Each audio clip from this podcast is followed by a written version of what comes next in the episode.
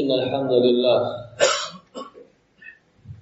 نحمده ونستعينه ونستغفره ونعوذ بالله من شرور أنفسنا ومن سيئات أعمالنا. من يهد الله فلا مضل له ومن يضلل فلا هادي له.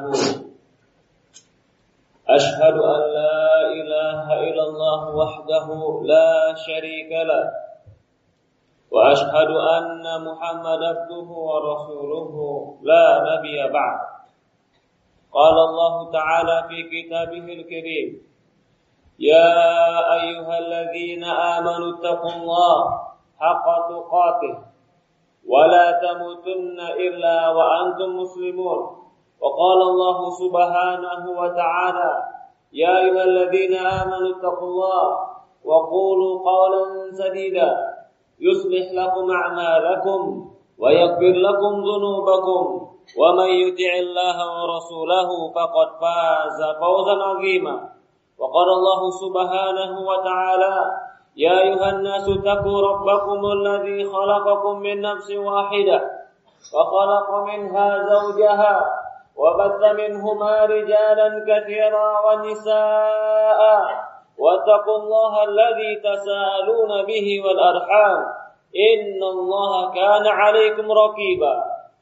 فإن أصدق الحديث كتاب الله وخير الهدي هدي نبينا محمد صلى الله عليه وعلى آله وصحبه وسلم.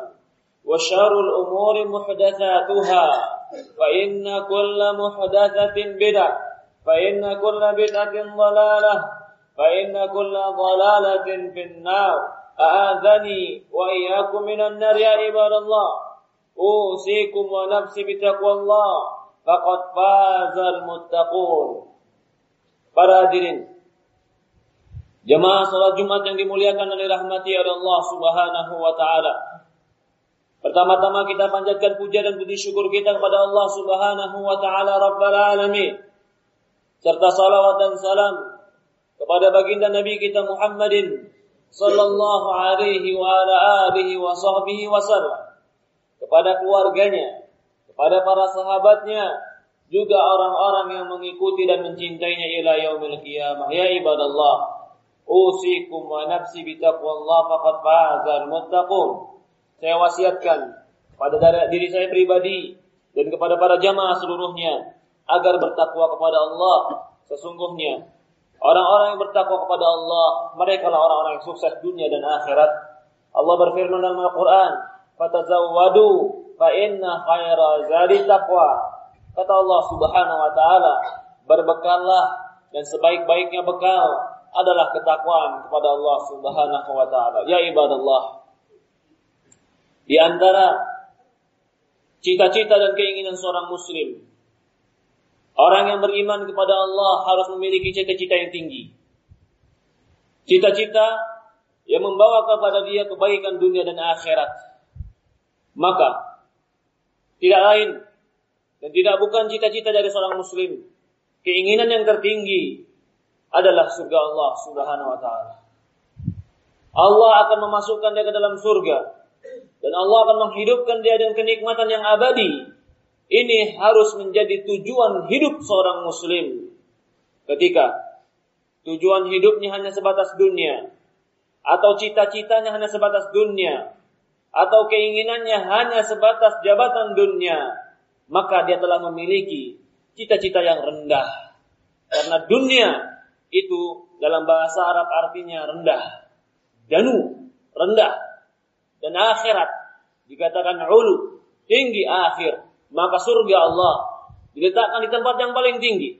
Makhluk Allah yang paling tinggi adalah di bawah arsy Allah Subhanahu wa taala adalah surga Allah Subhanahu wa taala. Maka haruslah seorang muslim bercita-cita dengan cita-cita yang tinggi.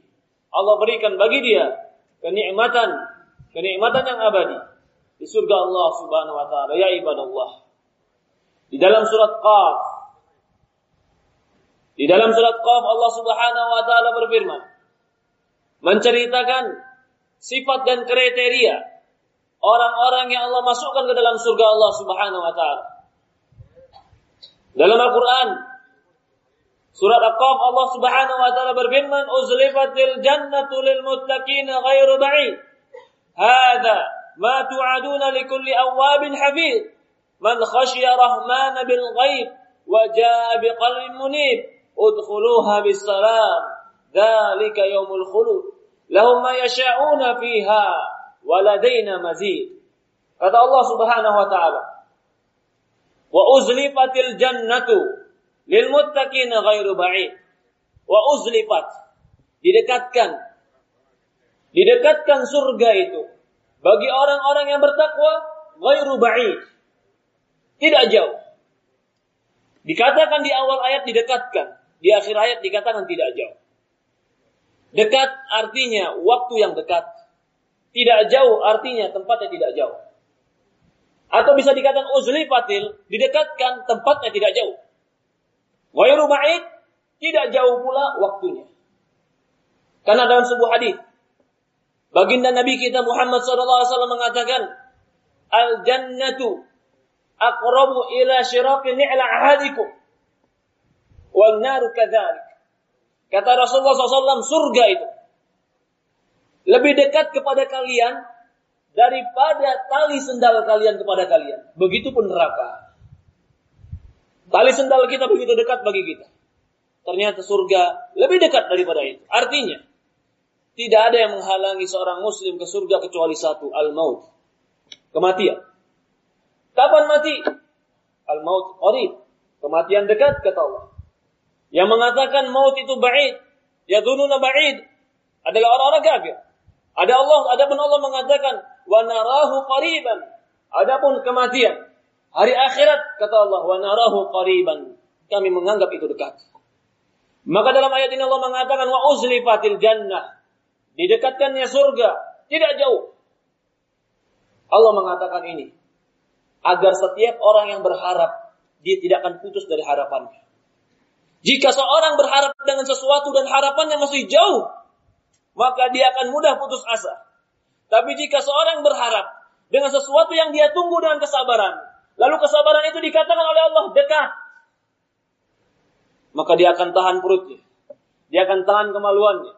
Dia akan tahan dirinya karena dekat akan sampai. Allah katakan wa uslifatul jan. Surga itu dekat. Yang menganggap jauh adalah orang-orang yang jauh dari Allah. Tapi orang yang dekat kepada Allah, yang memiliki orientasi akhirat, wa narahu qariban. Menganggap kematian itu dekat. Surga itu dekat. Lalu Allah mengatakan, "Hada ma tu'aduna likulli awabin habib." Inilah surga. Tu'adun dijanjikan. Yang berjanji Allah yang menciptakan langit dan bumi, yang sadaqallahul azim, maha benar janjinya, tidak pernah menyelisih janji. Hada ini yang kami janjikan kata Allah. Bagi siapa? Likulli awabin hafid. Disebutkan dua kriteria pertama. Yang pertama kriterianya kami janjikan Allah menyebutkan sifat orang yang dijanjikan surga. Ini menunjukkan rahmat Allah. Allah tidak menyebutkan kelompok waktu. Allah tidak menyebutkan orang. Kalau dikatakan ini surga kami janjikan kepada orang-orang yang bersama Rasulullah. Kita tidak bersama Rasulullah sekarang. Akan terbatas surga itu. Tapi Allah Subhanahu wa taala mengatakan kami janjikan kepada mereka yang memiliki sifat-sifat ini. Siapa pun dia, di mana pun dia, kapan pun dia, pernah bertemu baginda Rasulullah atau tidak. Tapi kalau dia memiliki sifat-sifat ini, wa uznifatil jannah, surga dekat untuk mereka. Yang pertama awab. Allah sebutkan sifat mereka adalah banyak bertobat. Allahu Akbar. Allah maha pengasih, Allah maha penyayang. Allah tidak katakan surga itu Allah berikan kepada mereka yang tidak pernah berdosa. Allah tidak katakan surga itu dimasukkan oleh orang-orang suci. Tapi Allah katakan surga itu Allah berikan awab kepada mereka yang sering bertobat. Kapan tobat keluar? Ketika ada dosa. Maka seorang muslim ketika melakukan dosa yang dia perbanyak adalah taubat kepada Allah. Kita tahu setiap muslim pasti bertobat. Maka sebaik-baiknya orang yang muslim, sebaik-baiknya manusia, kullu bani Adam khata. Dalam sebuah hadis riwayat Tirmizi, baginda Nabi kita Muhammad SAW mengatakan semua bani Adam itu bersalah. Kullu khair wa khairu tawwabun. Bahkan sebaik-baik orang bersalah adalah orang bertaubat. Allah katakan surga diberikan kepada mereka yang sering bertobat kepada Allah. Nabi Adam, ah, Nabi Adam alaihissalam, Nabi Nuh alaihissalam, Nabi Musa alaihissalam, Nabi Ibrahim alaihissalam, semua Nabi merasa dirinya penuh dengan dosa. Bahkan Nabi Adam mengatakan, ketika Nabi Adam berdoa, Rabbana fir lana wa kafir anna sayyi'atina fa in lam taghfir lana wa tarhamna lanakunanna minal khasirin. Ya Allah ampuni kami. Gugurkan dosa-dosa kami Fa'ilam takfir lana, kalau engkau tidak ampuni kami ya Allah. Wa tarhamna, kalau engkau tidak rahmati kami ya Allah. Lanakunanna minal khasirin, pasti kami akan menjadi orang merugi. Ketika Adam alaihissalam bertobat kepada Allah, Allah angkat derajatnya. Allah tidak jatuhkan dia dalam keadaan yang hina terus menerus ketika iblis mengganggunya. Maka orang yang bertobat kepada Allah adalah orang yang akan Allah janjikan surga. Tapi ketika dia jujur dalam bertobatnya, dalam sebuah hadis. Dalam sebuah hadis dalam diriwayatkan oleh para ulama, hadis ini dikatakan oleh Bukhari dan Muslim. Kata Rasulullah SAW, Inna Allah yahki an Rabbi an Abi Hurairah radhiyallahu anhu. Abu Hurairah menceritakan bahwa Rasulullah SAW menghikayatkan sebuah cerita yang dia dapat dari Allah. Allah berkata, Aznaba abdi, faqala Allahumma gfir li dhanbi. Fa'arafa Fa'arafa adnaba abdi fa'alima anna la rabb yaghfiru dhunuba wa ya'khudhu bih.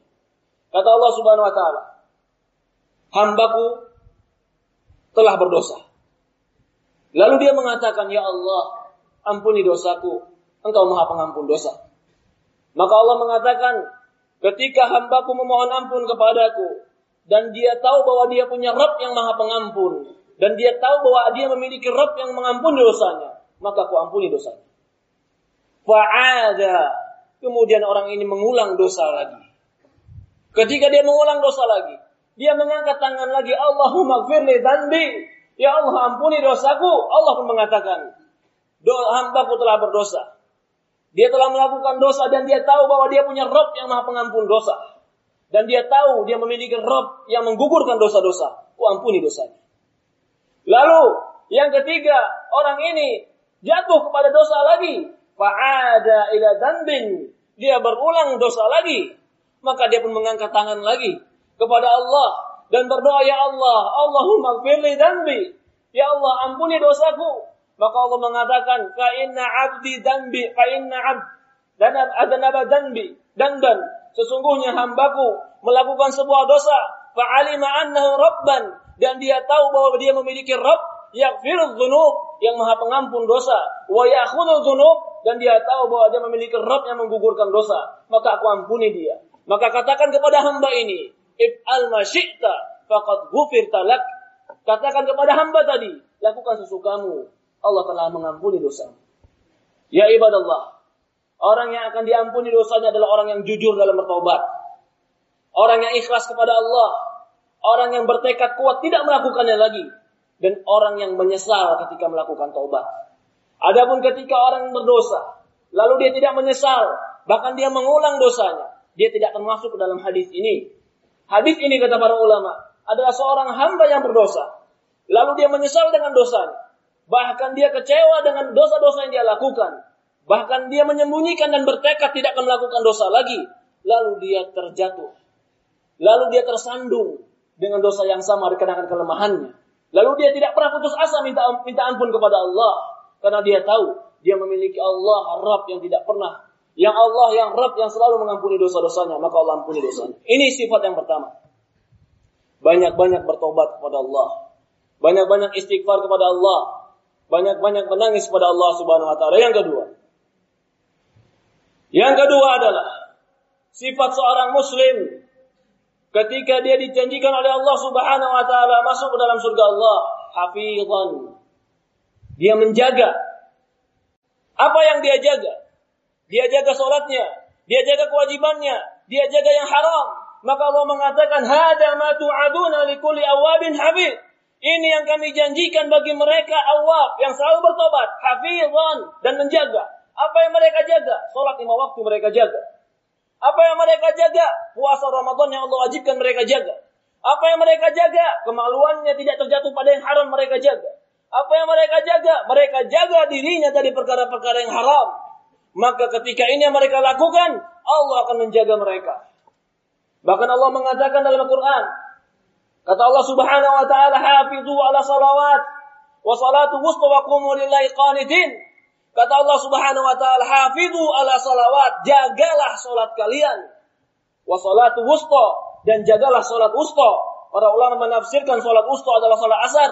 Wa qumu lillahi qanitin. Berdirilah kepada Allah dengan cara yang baik. Ketika dia telah bertobat, dia melakukan amalan soleh dan dia mendekatkan diri kepada Allah. Bahkan dia terus menjaga amalan solehnya, terutama sholatnya. Ini sifat yang kedua Allah katakan. Sifat yang ketiga Allah katakan, Man khasya rahmana bil ghaib. Dan dia takut kepada Allah ketika gaib.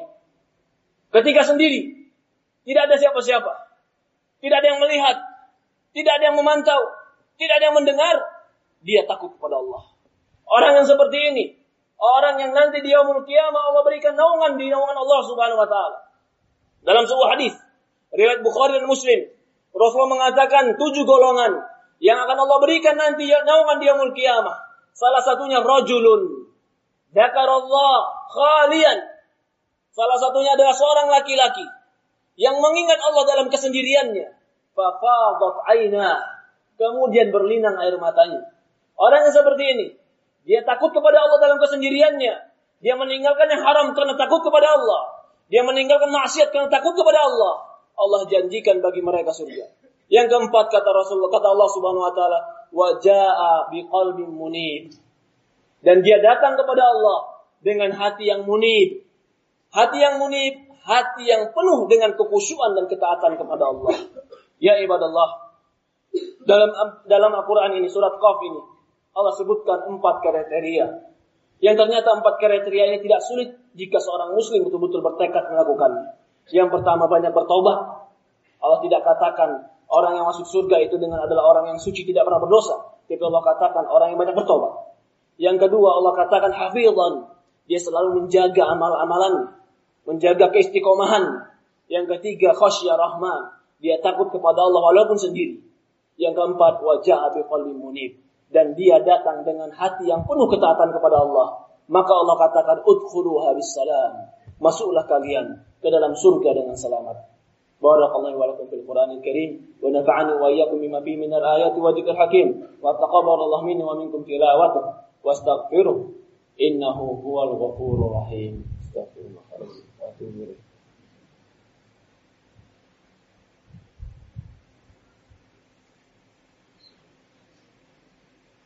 Alhamdulillah. Wassalatu wassalamu ala asyrafil anbiya'i wal mursalin. Ala nabiyyina Muhammadin sallallahu alaihi wa ala alihi wa sahbihi. Ya ibadallah. Para hadirin jemaah salat Jumat yang dimuliakan oleh rahmati Allah Subhanahu wa taala. Kenikmatan apa pun di dunia ini jika ditukar dengan kenikmatan akhirat maka sia-sia. Gak ada artinya. Apa yang kita banggakan? Kalau ternyata tidak dibawa mati. Apa yang kita kejar? Kalau ternyata tidak selama-lamanya. Apa yang kita inginkan? Kalau ternyata yang terbaik adalah di sisi Allah berupa surga Allah Subhanahu wa taala. Maka itu seorang muslim harus sadar bahwa dia diciptakan untuk ibadah kepada Allah. Seorang muslim harus sadar bahwa diciptakan untuk akhirat Seorang muslim harus sadar bahwa kehidupan yang sebenarnya, kehidupan yang abadi adalah kehidupan ketika setelah kematian. Di dunia ini bukan kehidupan yang sebenarnya. Allah Subhanahu wa taala berfirman, "Wa ma khalaqtul jinna wal insa illa liya'budun." Kata Allah Subhanahu wa taala, "Tidak kuciptakan jin dan manusia kecuali ibadah kepadaku." Allah ciptakan kita untuk kita ibadah kepada Allah. Allah ciptakan kita untuk kembali kepada Allah. Allah ciptakan kita untuk hidup yang lebih kekal di akhirat Allah. Maka barang siapa yang sibuk dengan dunia yang melupakan akhiratnya, maka mereka tertipu. Maka siapa yang sibuk dengan dunianya dan melupakan cita-cita akhiratnya, maka dia maka dia telah mendapatkan cita-cita yang rendah. Cita-cita seorang muslim adalah surga dengan beramal soleh, dengan bertobat, dengan menjaga solat, dengan menjaga kewajiban, dengan bertauhid dan menjauhkan kesyirikan. Ya ibadallah, tahukah kita Surga Allah lebih luas, berlipat-lipat kali luas daripada dunia dan seisinya. Tapi jangan sampai luasnya surga tidak Allah berikan kepada kita walaupun sedikit. Orang yang mengucapkan la ilaha illallah akan masuk surga. Tapi ketika dia menjaga kewajibannya, menjaga dirinya, menjaga tauhidnya. Ketika Allah mengatakan ini semua, udkhulu habis salam, kata Allah, masuklah kalian ke dalam surga. Lahum ma yasha'una fiha. Kalau Allah janjikan pada mereka, apa yang Allah janjikan bagi mereka di surga? Lahum ma yasha'una fiha. Bagi mereka apa yang mereka inginkan. Apa yang diinginkan? Apa yang terbetik? Apa yang terminta? Apa yang terucap? Semua Allah sediakan. Bahkan Allah katakan waladaina mazid, kami tambah. Lebih dari keinginan mereka. Apa yang terbetik, apa yang terpikir, apa yang teringin Allah kasih. Bahkan Allah katakan waladaina mazid, kami tambah lebih daripada keinginannya. Ya ibadah Allah. Maka marilah kita kembali kepada Allah Subhanahu wa taala. Marilah kita bertobat kepada Allah Subhanahu wa taala dosa kecil ataupun dosa besar. Marilah kita menjaga amalan-amalan soleh kita, menjaga tauhid kita, Marilah kita fokus kepada akhirat kita tanpa harus meninggalkan dunia kita. Barakallah. Allahumma salli ala Muhammad wa ala Muhammad kama shallaita ala Ibrahim wa ala Ibrahim innaka Hamidul Majid. Allahumma barik ala Muhammad wa ala Muhammad kama barakta ala Ibrahim innaka Hamidul Majid. Allahumma nas'aluka والتقى والعفاف والغنى.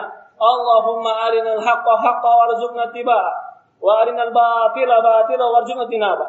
اللهم نسألك الجنة اللهم نسأل جنتك اللهم نسألك جنتك. اللهم اغفر لنا ولوالدينا وارحمهما كما ربينا صغيرا. اللهم أعنا على ذكرك وشكرك وحسن عبادتك. ربنا آتنا في الدنيا حسنة وفي الآخرة حسنة وقنا عذاب النار. والحمد لله رب العالمين.